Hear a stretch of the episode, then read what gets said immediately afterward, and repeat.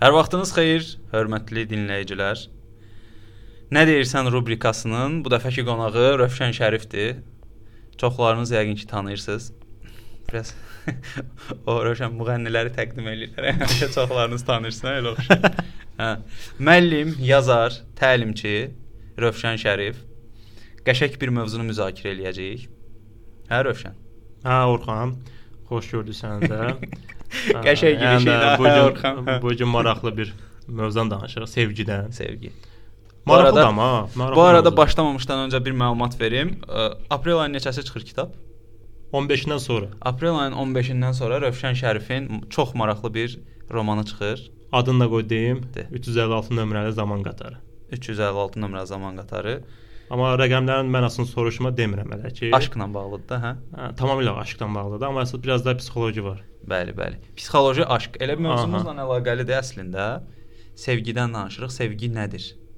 Rövşən səncə Azərbaycan kişisi sevə bilir? Hmm, qəşəng sualdır. Əslində sevmək sırf insanın özündən asılıdır. Nə olur olsun, şuurundan asılıdır. Və bir də bir şey var ki, qarşındakı cinsin ə, xüsusiyyətindən də asılı ola bilər. Hətta çoxları bunu inkar eləsə də görünüşündən də asılı ola bilər ki, deyirlər ki, 90% daxili gözəlliyə fikir verirəm, amma xarici gözəlliyə fikirən fikir verən çox olur. Yəni bundan razısan. Hətta elələr var ki, xarici gözəlliyə fikir verir, yaxınlaşır və daha sonra bu daxili gözəlliyini analiz eləyir. Ki, görə yaxşıdır yoxsa pisdir. pisdir. Hə, eynən çox razıyam. Çünki deyirlər mən onun ürəyini sevdim. Yalan söhbətdir. Çünki obrazlaşdırırıq da. Axı sən onun daxilini görmürsən həmişə biz insanın xaricinə daha çox diqqət eləyirik də, hə, çöl görünüşünə. Sevginin həmişə ürək formasını göstərirlər də elə. Yəni sevginin rəmzi qaraciyər olsaydı, hə. onun içərisinə belə ox vurub deyəcəklər ki, sevgidir də, hə, qaraciyər. Qaraciyəri sevgi kimi göstərəcəkdilər. Mən düşünürəm ki, sevgi mücərrəd bir şeydir və sevgi emosional bağlılığın olmasıdır. Hansı ki, insan öz şuuraltısında ona uyğun bir modeli formalaşdırır, kişi və qadın obrazında olan modeli və o model onun qarşısına nə zamansa çıxanda onu sevməyə başlayır. Hansı ki bu məntiqlə baş vermir. Yəni biz məntiqlə sevə bilmirik əslində. Məntiqlə tərəf müqabili, partnyor, dost və s. tapa bilərik, amma məntiqlə heç zaman sevgi mümkün deyil.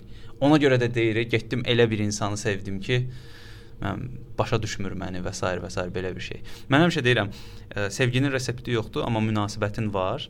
Sevəndə reseptlə sevmirsən, amma münasibəti tənzimləmək üçün mütləq bir reseptə ehtiyacın var. Bu baxımdan məsələn Azərbaycan kişisi sevə bilirmi sualı riskli sualdır da. Mən düşünürəm ki, Azərbaycan kişisi ə, e, biraz cinsi olaraq ac olduğuna görə sevgi ilə cinsəl bağlılığı bir-birinə qarışdırır. Amma riskli olsa da cəmiyyətin formalaşmasında mühüm rol oynaya bilər. Məsəl üçün deyirsən ki, o baxımdan münasibətdə gərək özü məxsus bir resepti var. Həqiqətən bu fikirlə razıyam. Bir də bir şey var ki, bu hisslərdə bizdə həssas nöqtələr çoxdur axı. Məsələn, insan tutaq ki, birini sevir, birini bəyənir, birindən xoşu gəlir, onu anidən bildirmək istəyir. Bəzən də bildirə bilmir, içində boğur onu. Həyəcanlanır onu görəndə və yaxud da ki, bəzi hissləri boğa bilirəm. Amma bir müddətdən sonra, tutaq ki, artıq onunla əlaqəsi olur filan və ya yaxınlıq eləyir və daha yavaş-yavaş elə bir ki, hiss biraz azalır. Bu nəyə görə ola bilər? Mentallıqla bağlı ola bilər. Çünki bir xanım asan formada bir bəyə ə, səndən xoşum gəldi deyib öz belə sevgisini etiraf eləmək biraz çətindir, hə? Amma mental deyir ki, yəni qadının sevgisi, ya sevgisini belə deyim, bəlli etməyi doğru deyil. Bu mental deyir təbii ki, amma mən ondan razı deyiləm. Əgər qadın olsun, kişi olsun, fərq etməz yəni. Hər ikisinin özünə məxsus şuuru var, şuuraltısı var. Yəni okey, yəni sağ sağ yarımkürə, sol yarımkürə fərqi var. Amma yəni də bu sevgi hissidirsə, bunu bildirə bilər yəni. Bunda bir ayıblıq yoxdur yəni. Mən 10 il əvvəl Rövşən fikirləşirdim ki, indi 30 yaşım var, 20-də, 18-19-da Məsəl üçün sevdiyin xanım var, bir də gəzdiyin xanım var. Sevdiyin xanımdırsa sən onun əlindən də tutmaq haramdır, tutmamalısan. Gəzdiyinsə, okey. Ancaq evləndən sonra. Olar, hə. Gör necə mən geri zəkalı bir şeydən evrim eləmişəm də türklər demişkən, çünki mentallıq ə, insanın düşüncə tərzinə ciddi formada təsir göstərir və şəxsiyyət pozuntusu yaradır. Ona görə bu baxımdan biliklənmək, öyrənmək və bu prosesin beyində necə baş verdiyini görmək mütləqdir. Yəni dopamin, serotonin və bu kimi hormonların ifrazı nəticəsində ortaya çıxan bir duyğusal proses kimi götürə bilərik sevgini. Amma önəmli bir sual. Bəs Azərbaycan qadını sevə bilirmi yoxsa yox? Ümumiyyətlə sevgi nəyə deyirik biz? məsələn, həmişə sual məni düşündürür və uzun araşdırmalardan sonra belə bir özüm üçün qayda müəyyənləşdirdim ki, sevgi kişi və qadın arasında qarşılıqlı bəyənmə, hörmət və cinsəl istəyi birləşdirən psixoloji bir anlayışdır. Yəni hörmət eləməlisən, qarşılıqlı bəyənməlisən və sənin qarşı tərəfə cinsəl istəyin olmalıdır. Bu üçündən biri hansısa bitirsə, bu artıq dostluğa çevrilə bilər və yaxud flörtliyə çevrilə bilər və yaxud başqa bir şeyə çevrilə bilər. Maraqlıdır Orxan. Bir də bir şey var ki, mən həmişə indi bu ikinci kitabımda yazanda da mən bu mövzuya toxunmuşam. Deyirəm ki, bax sevgi əslində ə, mənə görə sırf dinləməkdir. Dinləməkdən ibarətdir. Həmişə mənə sual verirlər ki, Rövşən müəllim, yəni qulaq asmadan dinləməyin nə fərqi var? Deyirəm bax qulaq asan insan fikri səndə olmaya bilər də. Amma dinləyən insan fikri həmişə səndə olur yəni. Sevgi hə, də budur yəni. Gərək sevgidə həmişə dinləyəsən. Qarşındakını anlayasan. O cümləni qeyd eləmisən kitabda mütləq. Hə, çox qəşəng. Bir də bir də təkrar elə. Çox. Həmişə deyirəm ki, qulaq asan insan fikri səndə olmaya bilər, amma dinləyən insan fikri səndə olur həmişə. Və bu da sevgidə önəm bir məsələ. Məsələn, empatiya qurmaq, hissi yaxınlıq. Gəlsə, əgər sənin ort belə aranda sevgi hissi varsa, deməli ən azından onu dinləməlisən, yəni. Ən azından deyirəm. Eynən. Ən çoxundan artıq onu hiss edəcəksən, onu düşünəcəksən. Məsələ budur. Bir də bir şey var ki, bizim mental düşüncəmizdə ə, hər kəs bilir ki, problemlər çoxdur. Əslində bu əsrin problemi deyil. Yəni deyək ki, 21-ci əsrdir, texnologiya dövrüdür. Yavaş-yavaş inkişaf eləyəcəyik. Əslində belə baxıram ki, günün-gündən daha da problemlər artır. Bu özünü göstərir. 100 il bundan əvvəl də Tağıyev qız məktəbə açanda Hacılar Mirzəyə demədi ki, qeyrətin namusun yoxdurmu? Dedilər, düzdürmü? Qızlar deyir, qızlar hara, təhsil almaq hara. Hacı nə qayıtdı? Dedi ki, yaxşı, ta ki mənim qeyrətim yoxdur və bu gün sabah sənin evdə xanımın, qızın xəstələndə və kişi həkim gələnə qeyrətin oyanmayacaq. Qoy deyir qadın həkimlər olsun da. Qoy deyir qadın müəllimlər olsun da. Çox o baxımdan hə. təbii ki, yəni bu da bir sevgidir, yəni. Sevgi təkcə kişi ilə qadın arasında olmur. Sevgi yəni sən ə, cəmiyyətindən sevgi ola bilər, sənin təhsilindən sevgi, karyerana sevgi, insanın özünə sevgi ola bilər. Məsələn, mən araşdırmışam ki, yəni bu kitabla bağlı yəni yazanda. Əslində insan ən çox özünü sevirmiş və bəziləri bunu bildirmir.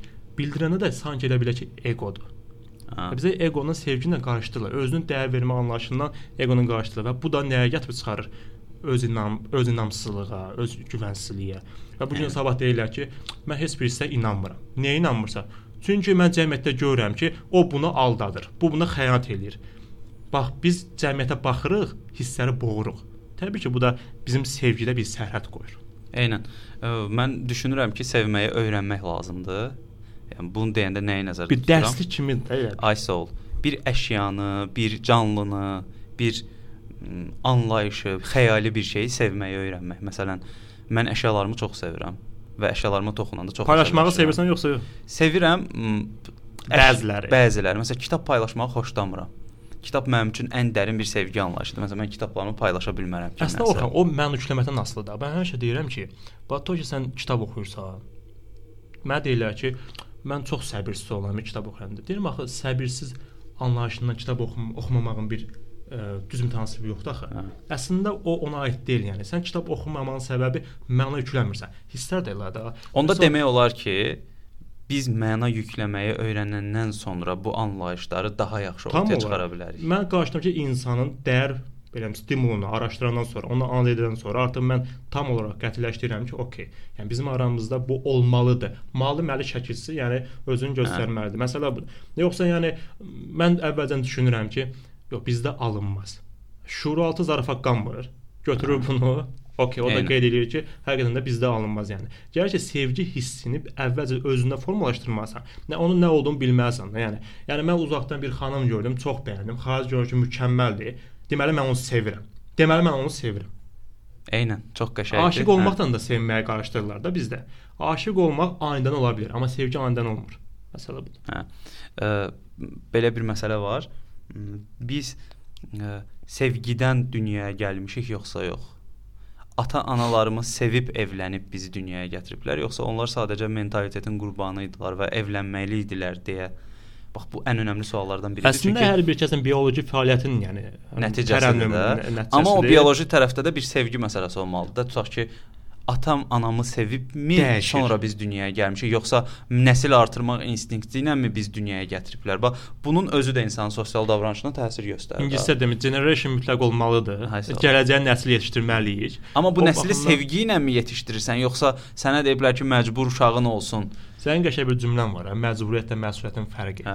Ola bilər nəsildə məcburiyyət instinkti daha qüvvətli. Desinlər ki, "Yo, mənim davamçım olmalıdır. Hə. Babanın nəvəsi olmalıdır, nəticəsi olmalıdır." O baxımdan sevgini atla ikinci plana və ön plana nəyə saxla məcburiyyəti. Eynən. Amma bir də var ki, sevgi məsuliyyəti. Yəni bizim sevgimizin bəhrəsindən doğan bir uşaq, doğulan bir uşaq və yaxud da ki, bir xanım fərq etməz yəni. Ha, ona artıq sevgi başqa olur. Bir də bir şey var ki, uşağın sevgi də əslində ana-atan bir, bir münasibətindən də çox şəxsidir. Tutaq ki, uşaqdır, o- 10 yaşı var. Yəni o kardan baxır ki, anamla ataya münasibəti, atanın anama münasibəti, oradan bir şeylər götürür. Bu böyüyəndə təbii ki, öz xanımla da o münasibəti bəsləyəcək. Məsələ budur yəni. Çünki uşaqların beyni ağvərəkdir. Yəni onlar nə gördü, Hı. ona qəbul edir yəni. Onu da gün ərzində tətbiq edirlər. Sevmək məsuliyyətdir. Məsuliyyətli olmaq üçün isə öyrənməlisən. Məsuliyyətli olmasından da sevmək də lazımdır. Paradoks kimi hə, bir cümlədir, hə. yəni. İki zidd bir şey eyni Hə, andadır elə, da. Tam. Amma mən düşünürəm ki, hamısı düşüncədən başlayır. Səni düşündürə bilən bir insanın yanındasansa, sən bunları öyrənə bilərsən. Çünki birinə bunu belə eləməlisən dediyin anda o düşünmür. O icra eləyir. Amma düşünmək o o şeyi mən niyə etməliyəm cavabı tapandan sonra öz avtomatik olaraq onu eləyir. Yəni bayaq dediyim məsələdə fırlanmaq üçün nəzərdə tutulan qız, evlənmək üçün nəzərdə tutulan qız arasında fərq mənim onlara yüklədiyim mənadır. Əslində mənasızlıqdır. Demək ki, mən bunu doğru şəkildə eləyə bilmirəm deyə mən bunun bölgüsünü aparıram. Təbii olaraq belə deyil, çünki insan əxlaqsız olaraq dünyaya gəlmir, ideologiyalar onu əxlaqsız formalaşdıra Tamamilə. bilir. Sadəcə bunu aradan qaldırmaq üçün sorğulamalısan özünü, öyrənməlisən və buna uyğun da Gərək ki, hər gün öyrənəsən. Bir də Orxan belə bir şey var da. Bizdə bu məsuliyyət var, ha, məsuliyyət. Sevgi məsuliyyəti. Çoxlarımız dərk etmədiyimiz üçün qaqalar arasında oluruq belə. Hə. Sanki deyirlər ki, flörtüm var, tutaq ki. Bu yox desə, elə bil ki, çox pis bir insan olacaq. Yox desə, sanki yəni cəmiyyətdən təcrid olunmuş bir şəxs olacaq. Həmişə hə deyir. Hə, var brat, var. O da deyir ki, hə, neçə dənə filan, neçə dənə özdə. Və belə ifadələr təbii ki, cəmiyyətin problemidir, yəni. Nəyə görə problemdir? Çünki uşaqdan bunlara aşılanmayıb sevgi nədir? Sevgi necə ötürülməlisə, məsələ budur. Baca baxa cəmiyyətə, mentalitet. Heç ümumiyyətlə mentalitet anlayışını da çox adam səhv anlayır. Əslində sürü deməkdir. İdarəetmə sistemidir. Onu dəyər sistemi ilə də qarışdırmaq lazımdır. Bu da ki, deyək ki, bizim əsrlər boyu belə bir formalaşdı. Yəni kişi qadına kömək edə bilməz. Yəni kişi, kişi ilə qadın bərabər yemək bişirə bilməz. Kişi qadının ev işlərinə kömək edə bilməz. Bu kimi ifadələr. Əslində çox iyrənc ifadələrdir yəni. Yəni kişi qadına yemək də bişirə bilər. Yəni bərabər yəni ə, ev işləri görə bilər. Yəni burada məsələ onun cinsiyyətində deyil. Burada məsələ onun düşüncəsində olmalıdır yəni. Yəni sevgi əslində əməldə göstərilməlidir. Yəni mən min dənə, min dəfə deyim ki, səni çox sevirəm, səni çox sevirəm, amma əməldə heç bir şey göstərməyim. Təbii ki, o xanımda bir emosional varlıq olduğuna görə onu qəbul edir və o səni ötürə bilmir yəni. Çünki qadınlar unutmağı və unudulmağı sevmir oxu. Yəni bu fikirlə razısan. Eynən. R- Romantik idi. Hə. Son Yaşa romantik. ə, mən misal üçün nə deyə Son sözüm var bununla bağlı. Nə Bununla bağlı son sözüm ola bilər ki, sevgini anlamaq üçün, yəni onu gözləmək lazım deyil. Yəni deyim ki, ə, xoşbəxtlik xoşbəxtlik kimi bir şeydir də bu. Bəzən insanlar deyirlər ki, mən ə, xoşbəxt olmaq istəyirəm, amma bilmirəm necə olum yəni. Əslində axtarmaq düzgün deyil. O bizim içimizdə olmalıdır da. Ə, Gərək içimizdə onu formalaşdırmalıyıq. Sevgini böyütməliyik yəni. O qəşəng bir cümlə var. Deyir bütün gözəlliklər, Tanrı bütün gözəlliyi, uğuru qorxunun altına gizlədib. də. Gərək o qorxunu üzbəüz eləsən ki, onu dəf eləyəsən. Sevgi də elədir. Əgər sən birinə qarşı hissini ötürmək istəyirsənsə, onunla bərabər nə bilim bir ömür boyu e, yaşamaq istəyirsən, gərək sevgini göstərməlisən. Yox, göstərmədinsə elə bir ömürlük elə Çox ə, qəşəng. layiqsən o bədbəxtliyə. Çox qəşəng. Təşəkkür edirəm Rövşən fikirlərinə görə. Ə, Sən sağ ol, həqiqətən möhtəşəm bir Kitabımı hədiyyə eləyəsən mənə. mütləq, mütləq imzalı. Son olaraq mən də demək istəyirəm ki, mənim üçün sevmək bacarıqdır. Amma bu bacarıq məsuliyyətə dayanan bir bacarıq olmalıdır, məcburiyyətə dayanan yox. Məcbur qalıb nəyisə öyrənmək yox, məsuliyyətli olub nəyisə öyrənmək bizi sevməyimizi daha da artıra bilir. Şəxsi həyatımızda, iş həyatımızda və ümumiyyətlə sevmək anlayışımızda. Ümid edək ki, hər kəs bacarsın Orxan. Həla. Sevməyi hər kəs bacarsın. Görüşərik növbəti po- podkastda özünüzə yaxşı baxın. Sağ olun.